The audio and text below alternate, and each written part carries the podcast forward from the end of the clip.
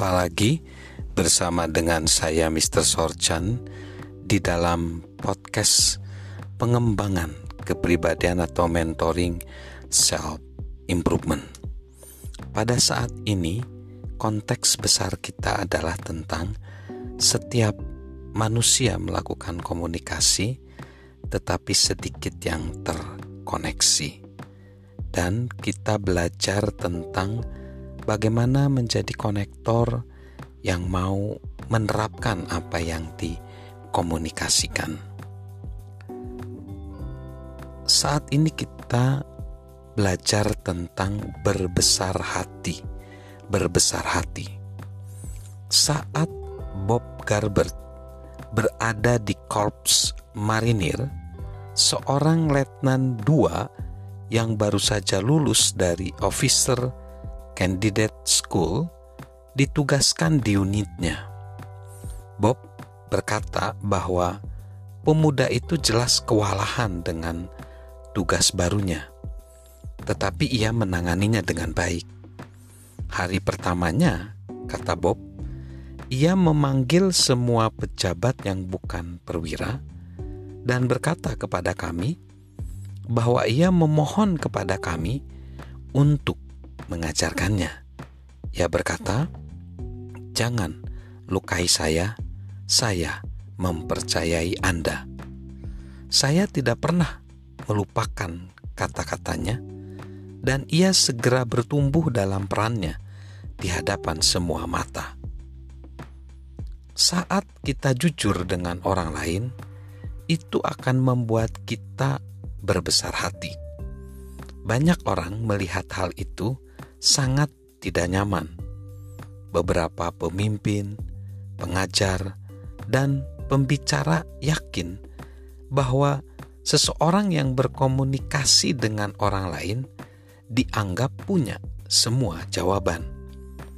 Jika tidak demikian, mereka khawatir bahwa mereka akan nampak lemah. Tetapi jelas itu merupakan standar yang realistis. Lebih baik menjadi otentik dan berbesar hati karena orang-orang dapat merasakan hal yang sama dan bahwa itu akan bermanfaat dalam menjalin hubungan. Parker Palmer, penulis dari The, The Courage to Teach berkata, kita semua tahu bahwa kesempurnaan itu adalah sebuah topeng.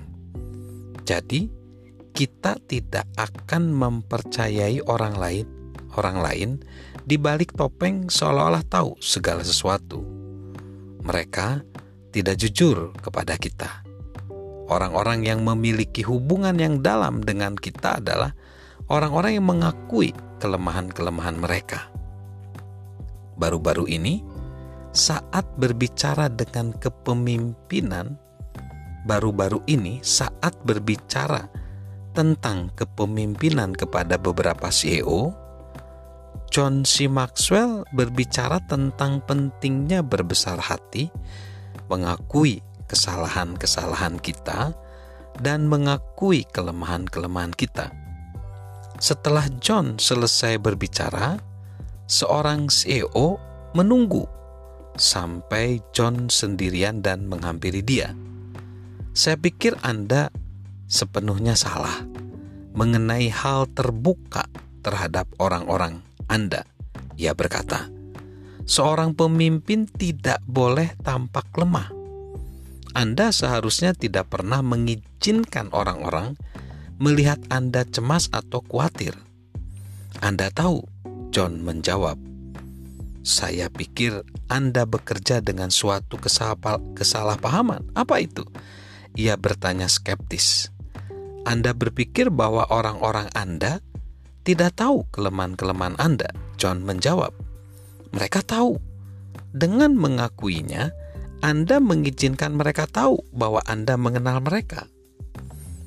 Alasan John C. Maxwell mengatakannya dengan keyakinan penuh adalah bahwa dia dulu juga berpikir sama seperti dia selama 10 tahun pertama dalam karirnya, John berusaha untuk menjadi Mr. Answerman. Mister penjawab segala sesuatu.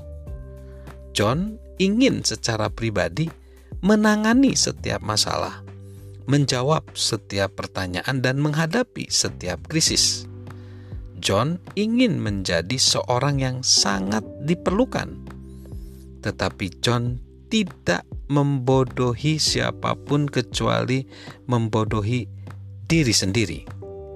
Seniman Walter Anderson mengamati kehidupan kita bertumbuh hanya bila kita memanfaatkan semua kesempatan. Dan risiko pertama dan yang paling sulit yang dapat kita ambil adalah menjadi jujur dengan diri kita sendiri saat John menyadari bahwa orang lain mengetahui hal-hal yang tidak dia tahu dan dapat lakukan hal-hal tertentu lebih daripada dia, itu membebaskan dia untuk menanggalkan topeng dia, melepaskan penjagaan dia, dan menjaga diri sendiri bersama dengan orang lain dan itu menjalin hubungan dengan orang lain. Tidak seorang pun suka seorang yang palsu atau berlaga sok tahu.